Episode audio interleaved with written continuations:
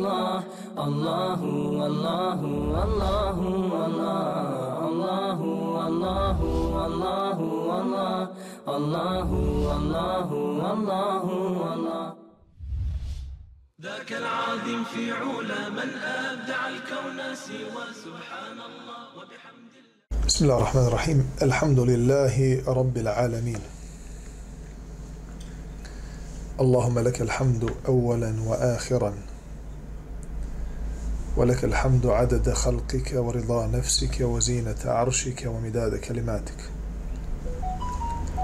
اللهم صل وسلم وبارك على نبيك محمد وعلى آله وصحبه ومن تبعهم بإحسان إلى يوم الدين. اللهم علمنا ما ينفعنا وانفعنا بما علمتنا وزدنا علما يا كريم.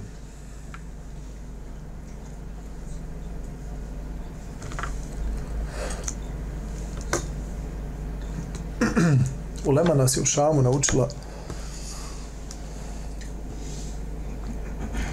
da svakoj situaciji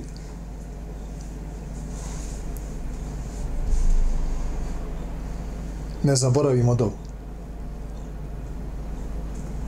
Svim svojim velikim i malim stvarima u našim životima treba da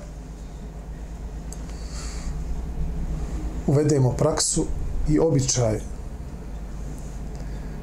da uputimo dovu onome ko vlada stvarima i ko upravlja stvarima.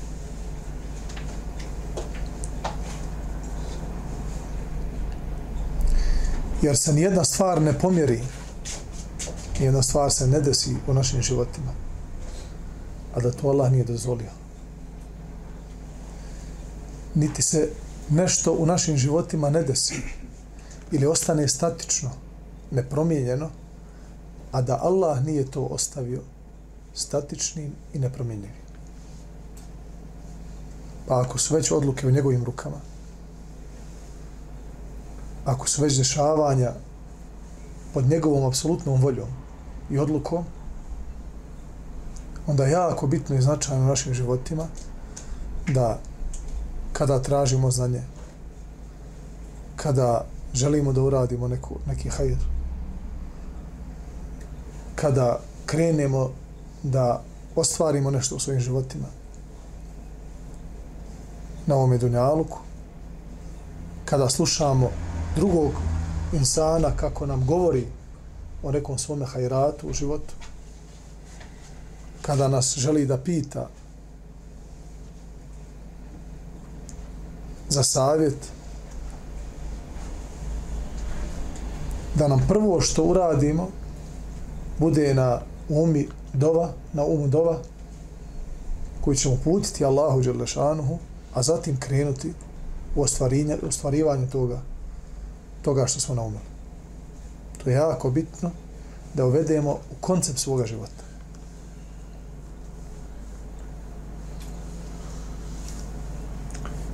Pa kad god krenem sa predavanjem i uputim Allahu Đalešanuhu dovu Allahuma alimna ma jenfa'una. Allahu naš poduči nas onim što će nam koristiti wanfa'na bima 'allamtana i daj nam da se koristimo od, on, od onoga sa čime si nas podučio wazidna ilman ja karim i povećaj nam znanje o darežljivi. Sjetim se.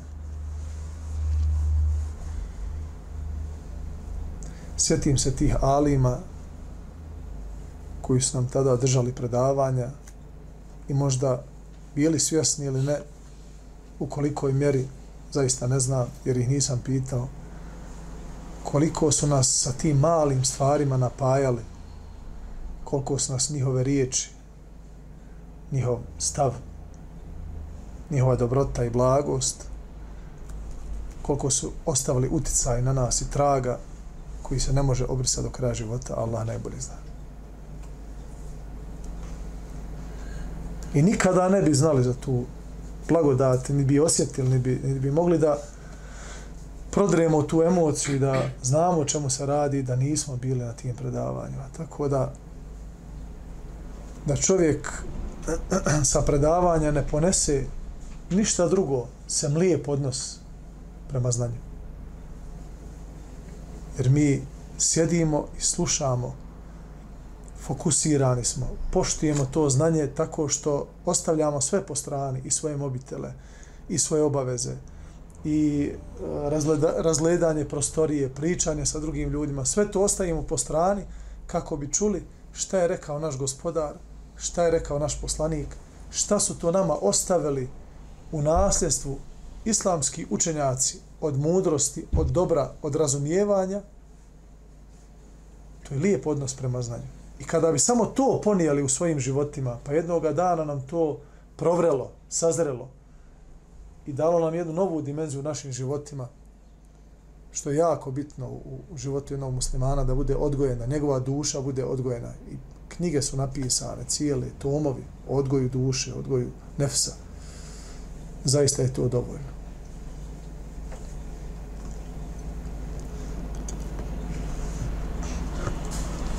Mi se nastavljamo, inša Allah, onako nakon Ramazana, da družimo sa riječima Rasulullah alaihissalatu wasalam i to nas ispunjava jer sve gdje se družimo sa njegovim riječima za Allahu pomoć nadati se da smo na hajru. Jedan od tih hadisa kojeg imam nevevi rahimahullahu ta'ala uvrstio u jednu od najpoznatijih knjiga, ako nije najpoznatija nakon Kur'ana Kerima, u islamskom umetu i šire, a to je Riyadu Salihin, jeste hadis od Ebu Horeire radijallahu anhu, prenosi da je Allahov poslanik sallallahu alaihi wasallam rekao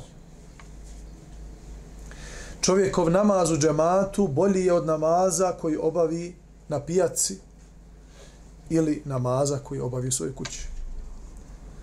Za više od 20 i nekoliko puta. To je zbog toga što kada čovjek propisno upotpuni svoj abdest, a zatim ode u džamiju isključivo sa namjerom da klanja u džematu, sa svakim njegovim korakom poveća mu se jedan stepen i oprašta mu se jedan grije, sve dok ne uđe u džamiju. A u trenutka kada uđe u džamiju, on je u namazu sve dok je u džamiji zbog namaza. Sam čovjekov ulazak u džamiju prije nego što donese početni tekbir. Broji mu se kod Allaha da je u namazu sve dok je u džami radi namaza. To jeste, nakon što završi sa imam sa selamom nakon farza, pa on ostane da klanja sunete, ako se klanjaju suneti na tom namazu, ako je podne namaz ili, ili akšam namaz ili jacija namaz ili ako ostane da zikri. Ako je džamija otključana pa ostane tu nadajući se nagradi od Allaha Đalešanuhu, sve do, sve mu se to piše kao da je u namazu. I to nije, nije sve. Nego svakog od vas meleki blagoslivljaju, blagoslivljaju i donose blagoslov na vas dokle god se nalazi na mjestu na kojim klanja. To jeste nakon što je završio sa farzom. Govoreći Allahu smiluj mu se, Allahu oprosti mu, Allahu primi njegovo pokajanje. Meleki to čine sve dok čovjek na tom mjestu nekoga ne uznemiri ili izgubi abdest. Znači, tada prestaju. Jedno, jedna zanimljiva stvar je da meleke određene naše radnje e, uznemiravaju. I oni odmah odu. I ovaj hadis me posjetio na hadis koji smo naveli u jednom od poglavlja Edebul Mufreda kod imama Buharije, rahimahullahu ta'ala, u našem prošlom ciklu, ciklusu, a to je da hadis koji je kod muslima da je sallallahu alaihi wasallame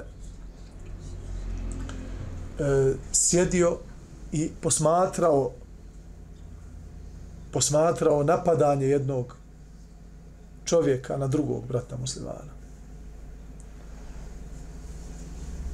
I sallallahu alaihi wasallam je šutio i posmatrao to. I ovaj drugi čovjek jedno vrijeme trpio, trpio, slušao njegove uvrede i nije mu odgovarao. I poslanik je sjedio. Nakon što je taj drugi čovjek, kada mu je ponestalo strpljenja, počeo da mu odgovara na njegove prozivke, poslanik Ali Salatu Veselam je ustav rekao svojim drugovima, koji su bili uz njega tu druž, kaže, hajmo. Kaže Allahu poslaniće, zašto sada odlučio da ideš, a nisi odlučio da ideš kad je onaj prvi provocirao. Kaže, dok je onaj drugi šutio, meleci su, kaže, u njegovo ime odgovarali u ovom prvom. I gledao sam, kaže, meleke sa zadovoljstvom. Kako brane ovog brata muslimana koji je napadnut i koji možda na, na naše oči naš način razmišljanja je tu ponižen. Nije on nikako bio ponižen. Evo, vidimo kroz ovaj hadis da uopšte nije bio ponižen. Naprotiv, bio je potpomognut najjačim Allahovim stvorenjima. Ne znam da postoje jača stvorenja od meleka koje Allah stvorio. Jer meleci inače jedno od njihovih zadataka je da čuvaju vjernike i da ih pomažu i da ih štite. Postoje meleci koji su zaduženi za vremenske promjene, za pomjeranje planina, za ovo, za ono, ali imaju meleci koji su zaduženi za čuvanje i zaštitu vjernika. To su najjača stvorenja. I takvi su odgovarali u ime ovoga brata muslimana, ovom prvom. Pa kada je on krenuo da odgovara u svoje ime, a bio je a slabiji je od njih, i fizički, i, i govorno, oni se tada uznemirili, vidjeli su da je njihov zadatak završen, jer nema više potrebe da ga brane. Jer je izašao iz onih okvira u kojim je trebao da bude u tom potpunom miru kojeg Allah Đalešanu traži od vjernika u svakoj situaciji. Jer je zato i objavljena knjiga da bude smiraj, da bude dovoljan odgoj vjerniku da ne dozvoli svojoj duši da izađe iz takta. I sve što čovjek manje izlazi iz takta i sve što ga je teže izbaciti iz takta, to je znak da je Kur'an na njega ostavio veći utisak i veći trag. Čovjek koji se olako, olako izbacuje iz takta, znajemo da još mnogo mu fali u tom kuranskom odgoju koji se traži od nas da ostavi na nas trag kada ga učimo, kada ga izučavamo, kada slušamo o njemu i kada radimo po njemu. I onda kad su oni vidjeli da on izašao iz tog kuranskog takta, iz tog odgoja, oni su ga napustili. Pa i poslanik, ali i salatu selam, nije želio da ostane u blizini u onoj blizini od koje su meleci doživljavali nelagodnost.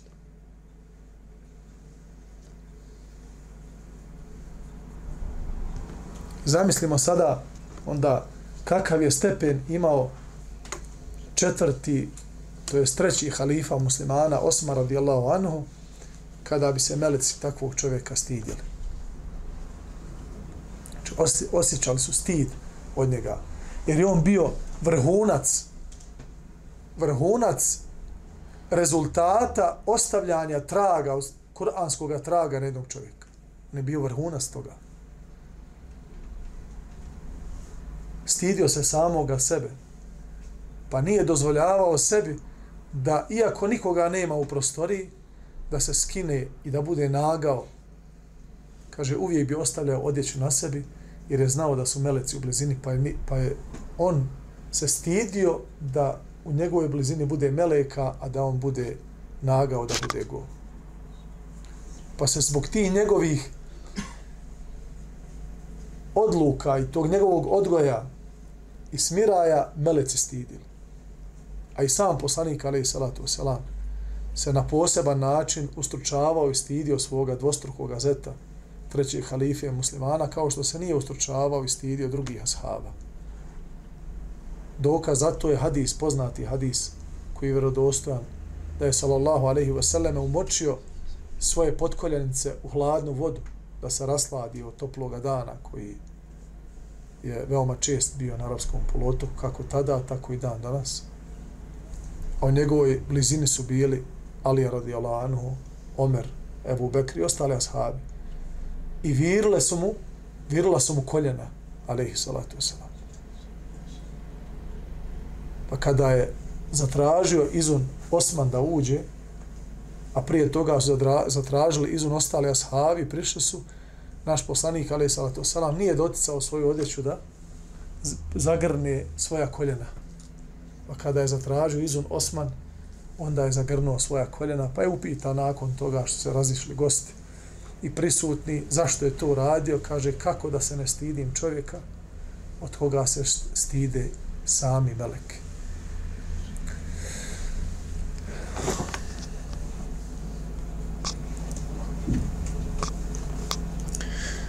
U narodnom hadisu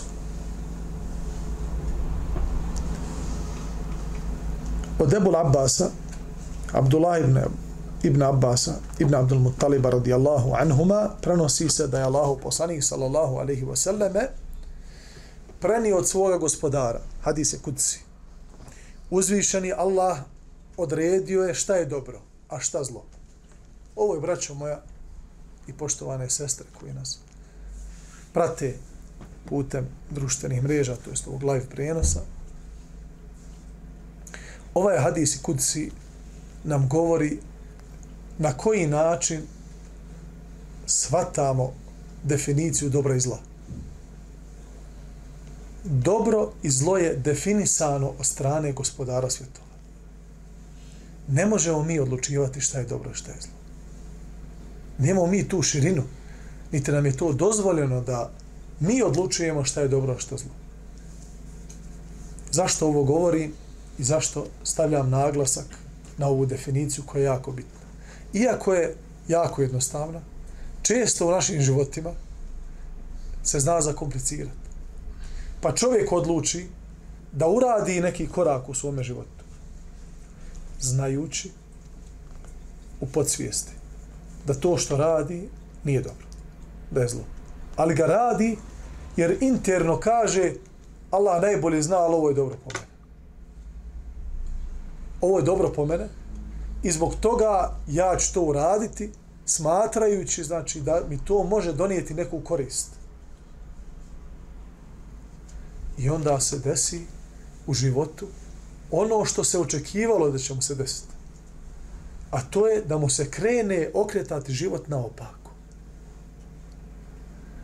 I onda se uhvati za glavu, uzme telefon i jadi se. Pa zašto je meni u životu ovako? Pa ja se liječim, iako ne smatram da svak onaj ko ima nekoliko godina problema sa džinskim svijetom, da to mora nužno da bude shodno njegovom grijehu. Ne, ne mora. Može da bude shodno i njegovoj deređi kod Allaha Đalešanu. Ali iz iskustva kojeg lično imam, iako ne, ne učim ruke, da se ne bi shvatilo da učim ruke, ali zbog ličnog iskustva, iskustva ljudi koji su dijelili sa mnom, a godinama su u, toj, u, u, u tom fahu, a lično su se uvjerili da i te kako grijesi i naopako definisanje životnih prioriteta i upuštanje sebe u ogradu zabrana koje je Allah Đalešanohu postavio ljudima kada im je objavio Kur'an, kada im je objavio sunnet, jasnu objavu, sebi su dozvolili neke stvari i onda su im došla iskušenja te prirode. I onda se pitaju zašto se ja ne mogu da izliječim. Ili zašto ja ne mogu da se vratim u normalan sistem svoga života, da me ništa ne žulja. Pa, brate moj, onda trebao si da shvatiš, da se podučiš ovome principu, a to je da je Allah taj koji je inna Allahe ketebe l-hasanat. Ketebe znači na arapskom jeziku kad, kad se kaže ketebe, osnova glagola je napisao. Ali, kada dođe u Kur'anu i u sunnetu da je Allah ketebe. Allah ketebe. Allah napisao, ne smatra se napisao, nego zapisao, to jeste učinio obavezom. Tako je. I ne može biti drugačije. Gdje nam je dokaz za to? Mnogi kuranski ajeti koji spominju ovaj glagol nakon što obavijesti Allah Đalešanohu vjernike da im je Allah nešto napisao, to je zapisao, učinio vađibom, to jeste farzom. Ja ejuhalladina amanu kutiba alejkumu sija. O vjernici, propisuje vam se post. Imamo li mi tu širine da kažemo, pa dobro, ali ipak je vrućo. Ja sam osam mjeseci u teretani nabio onaj muskulaturu, pa ako ja budem postio, smršat ću i otiće mišići, znaš, onda neću ja biti u formi. Ali imam takmičenje za dva mjeseca, bodybuilding, pa ja moram da budem u formi. Ko te pita za formu, čovječ? Jel mjesec Ramazana? Jel Allah Đelešanuhu u tom mjesecu koji se pomjera, mudro se pomjera, po deset dana svake godine, unazad, jel ti odredio taj post? Činio ga farzom. Ko si ti, Allahu robe? Da ga ne postiš? Ti nemaš pravo na to. Jer je to primarni tvoj životni projekat. Tek mimo toga, nakon toga što to ispuniš, dolaze sve tvoje ovamo drugi pri, pri, stvari u životu, da li bile primarne, da li bio biznis, da li bio posao, da li bio sport. Sve to dolazi nakon što svome gospodaru se umiliš i težiš ka tome da on bude zadovoljan s tobom. Tek onda čovjek može da očekuje sreću u svome životu. Tek onda može čovjek da, da u svom životu osjećuje, osjeća bereket i da očekuje bereket koji je, koji je Allah Đelešanu opet spušta svojim robojima. I Allah zna kome će spustiti bereket, a kome neće. Allah ništa ne zaboravlja. Inne dhalike fi kitab. Sve je tu u knjizi. Nemojmo misliti, braćo moja, da je Allah Đelešanuhu u nemaru naspram svakog pojedinca od nas. Allah i kako vodi računa o svima nama.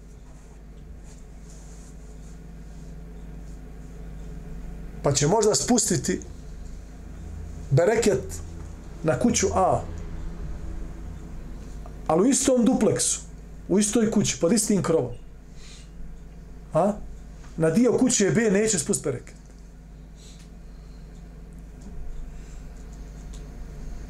Jer Allah Đelešanuhu nije nepravedan prema svojim robovima i daje mnogostruko više shodno trudu trudbenika koji teži da gospodara stavi na prvo mjesto. Ako gospodara stavi na prvo mjesto, Allah Đelešanuhu njegove ciljeve u životu onda potpomogne. Pa čovjek uradi jednim dijelom, pa mu Allah Đelešanuhu dadne bereketa u tome, kao što je dao bereketa našim poslaniku, ali i salatu wasalam.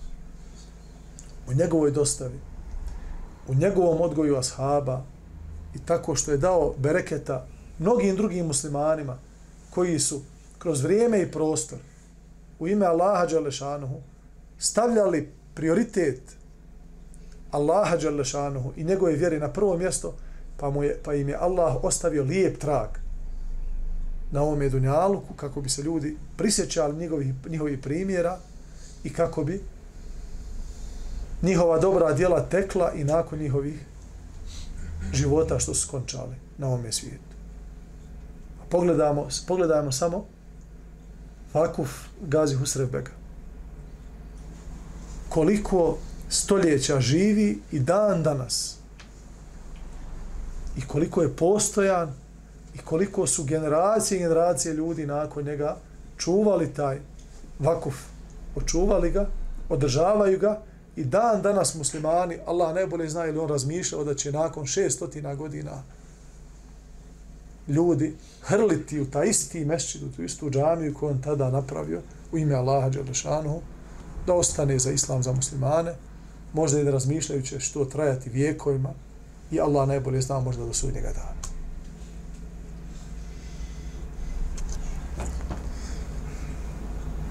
Allah je odredio šta je dobro, a šta je zlo.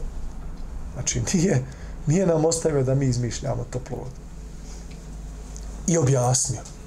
Znači nije samo Allah Đelešanu odredi, ovo je dobro, ovo je zlo, ajmo. Ko radi dobro, idemo. Ko radi zlo, aha, nešto ti tamo muljaš, nema od tebe ništa. Ovako. Allah Đelešanuhu sprem svojih robova obhodi se prema njima sa dva principa. I ta dva principa je nama također u suri Bekari ostavio da i mi živimo po tim principima. A to je princip adla, pravde, i princip ihsana, dobročinstva. Ne postoji treći princip, računa. Samo pravda ili dobročinstvo. Ne može nepravda. Ne može nepravda. Dobročinstvo ili pravda. Kako dobročinstvo ili pravda? Pravda je zub za zub. Udario si me, udarit ću te. Ha? Udario si čovjeka be, bespravno. Traži da budeš udaren. Uzeo si mu stotinu maraka. Uzet će se od tebe stotinu maraka.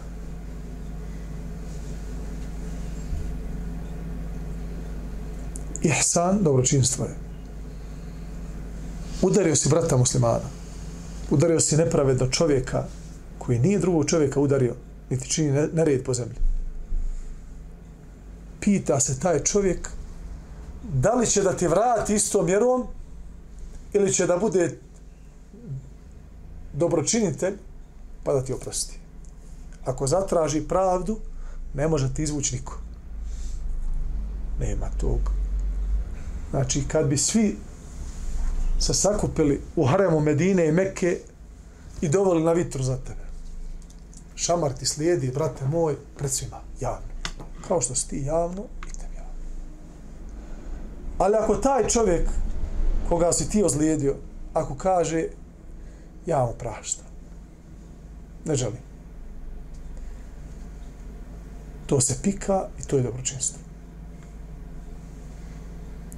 فمن عفا واصلح فاجره على الله Allah nije spomenuo kakvu nagradu priprema za one koji tu oproste neko ti učinio nepravdu, imaš pravo, pravda, znači zagovara, da vratiš istom vjerom ili da uzmeš svoj hak onako kako ti otet, na isti način.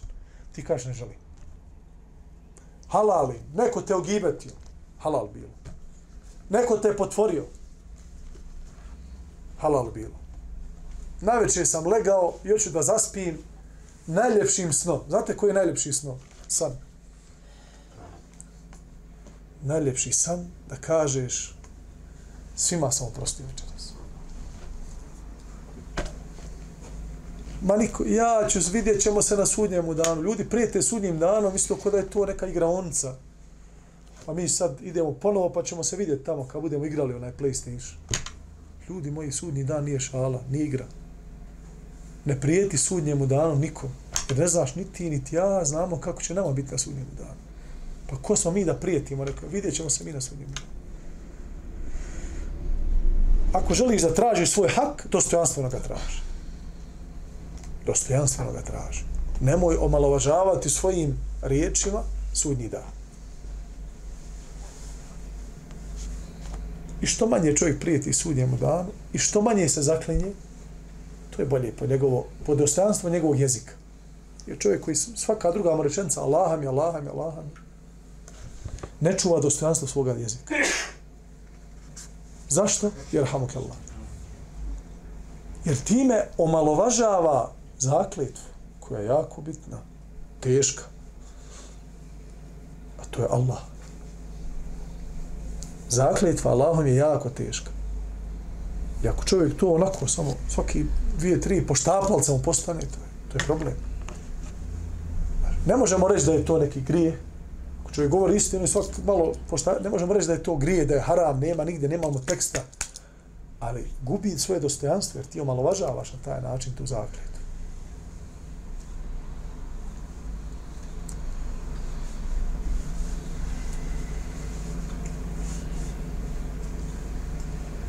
I ovdje Allah Đelešanuhu koristi dobročinstvo prema svojim robojima. robovima. Odlučio je i odredio šta je dobro, a šta je zlo, pa kaže. I onda objasni. Ko naumi da učini dobro, pa ga ne učini, dobit će jednu nagradu. I ovaj hadis je Imam Nevevi uvrstio u poglavlje namjere, nije to. Da znamo koliko je namjera bitna. Samo što je naumio, kaj, ah, što bi ovo, inšala ću raditi. I ne uradi.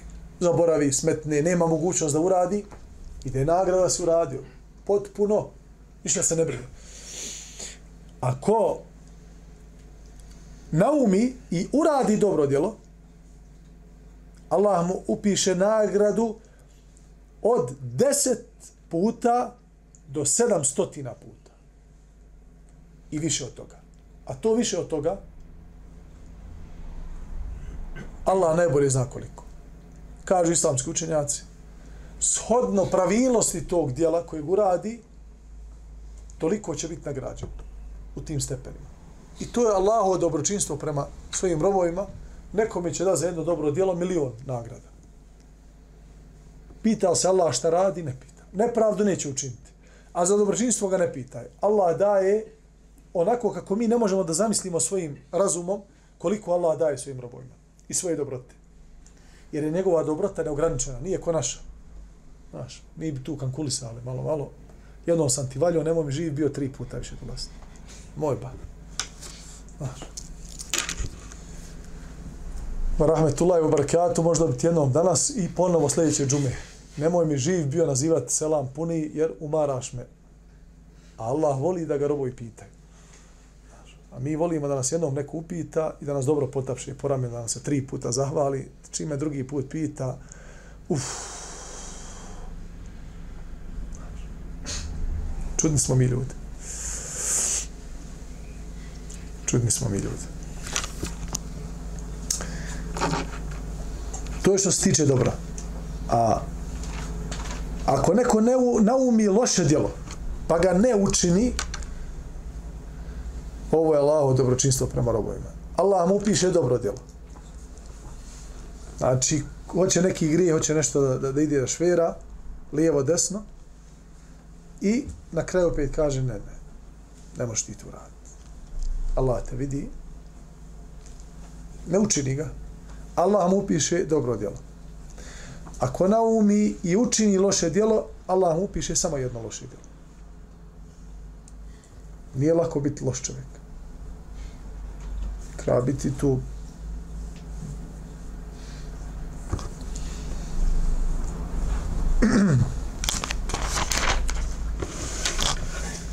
I ovo je hadis kojim se, naredni hadis kojim se dokazuje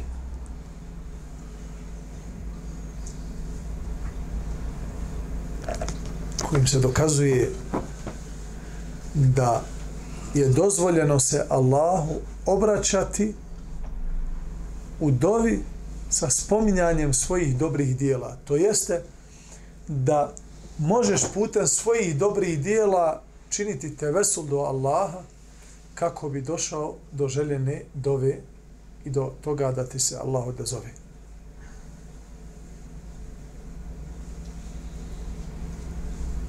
Allahu Đelešanuhu se direktno obraćati putem njegovih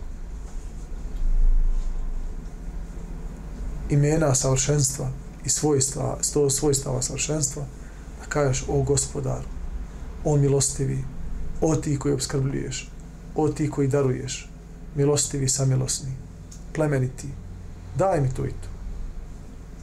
To je jedna vrsta. Druga vrsta, da prepoznaš među ljudima dobrog čovjeka, za kojeg smatraš da je blizak Allahu Đelešanu. Da je dobar čovjek, salih. I prepostavljaš da bi se Allah Đelešanuhu mogao njemu odazvati na njegovu dobu. Priđeš mi i kažeš, ljudina, desilo mi se to i to. U dugovima sam. Hoću da se oženim. Pet godina sam u braku, nemam djece. majka mi ne klanja, brat mi hoda po čarši, ne mogu da ga izvedem na selamet. Uputi Allahu Đerlešanuhu dovu za mene i za moju porodicu, za moju nafaku i tako dalje. Pitaš ga direktno, zadužiš ga tome i on dođe kući, digne Allahu Đerlešanuhu ruke i dovi. To je druga vrsta tevesula, približavanja Allahu Đerlešanuhu u dovi. I treća vrsta je da pronađeš u svome životu, ako ti je nešto bitno.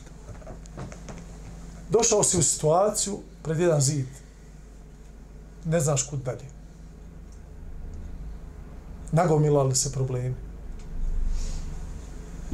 Desilo se nešto u životu zbog čega ne možeš da ideš više dalje. Toliki je teret na tvojim prsima. I samo te Allah može spasiti. Ali, kažeš sebi, kako ću ja da dovim Allahu Đerlešanu i da mi se on tek tako da zove ko sam ja pa onda razmisliš i pronađeš neko dobro djelo koje si uradio nekada možda si ga i zaboravio smetno i znaš da ga nisi uradio osim u ime Allaha Đalešanu, da pomogneš nekom čovjeku da riješiš nečiji problem da vratiš nekoga u život nakon što je izgubio svu nadu da postoji bolje sutra. Možda nisi ni sam imao, ali si izvadio iz džepa i zadnje pare dao svojem bratu jer si vidio da je on u škripcu. Pa si rekao sebi snaćeš se, dao ime Allaha. Pa se sjetiš jednog takvog dobrog djela, digneš ruke i kažeš gospodaru, ako sam ja to i to djelo tog i tog dana, samo radi tebe uradio, ni radi čega drugog. Putem tog dobrog djela ja te sada se obraćam i dovim ti i uzimam u zalog to dobro djelo kod tebe da mi se odazoveš i da mi ispuniš otloniš od mene nedaću i ispuniš moju želju. To su radili trojica mladića kako se prenosi u vjerodostojne predaj koja je poznata kod Buhari kod muslima u njihovim sahihima od Ebu Abdurrahmana, Abdullah ibn Omera, ibn Khattaba radijallahu anhuma, da je poslanik sallallahu alaihi wasallame ispričao jedan događaj koji se desio u prijašnjim narodima. A to je da su trojica ljudi iz prijašnjih naroda krenuli na dalek put. Putovali su sve dok ih noć ne zateče pored jedne pećine u koju uđoše kako bi prenoćili. Međutim, u tom trenutku odroni se jedna stijena i potpuno zatvori ulaz u pećinu. Či situacija je ovakva. Ta tri mladića išli su zajedno na put. Jer prije ljudi nisu htjeli da putuju sami, nego i nije bilo ni prevoznih, prijevozni sredstava, možda su imali neke, ne znam, konje, deve, magarce, nije bilo ko danas uzmeš auto, sjedeš sam s kraja na kraj države ili Allah najbolje zna iz, iz jednog kraja kontinenta na drugi sam ideš ili avionom. Tada toga nije bilo, pa su ljudi uvijek išli u skupinama, trojica i više. Dogovore se. Pa ako jedan treba za 15 dana, ovaj sačeka. Kaj sačekat ću ja tebe? 15 dana da mi samo idemo skupa iz više razloga. Ova trojica, mrak se smračilo se, vidjeli, oblača se, bit će dobre kiše, hajmo mi u pećinu i radi zvijeri, a i radi toga da ne pokisnemo. Međutim, Allah najbolje zna da li je vjetar, šta je onaj, oluja, šta je bilo, uglavnom, e, stijena je se otkinula, komad stijene, i pao upravo na tu rupu, na taj otvor, ulaz u tu pećinu i u potpunosti zatrpao, što je značilo da za nekoliko dana ta trojica ispuštaju dušu, jedan po jedan.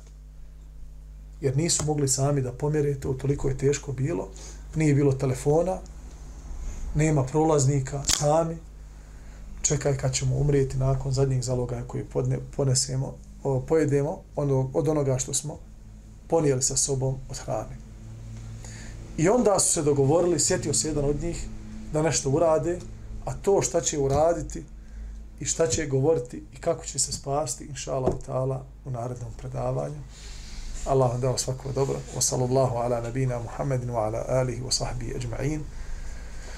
Allaha Đalešanohu molim da nas se smilije, da nam oprosti i da nas učini od onih koji se okorištavaju od korisnog znanja i da to korisno znanje bude dokaz za nas, a ne protiv nas na sudnjemu danu. A kulu kao li hada, astagfirullah. Subhanika Allah, bihamdika, šadu, la ilaha ila, enta, astagfiruke, wa etubu ilaike.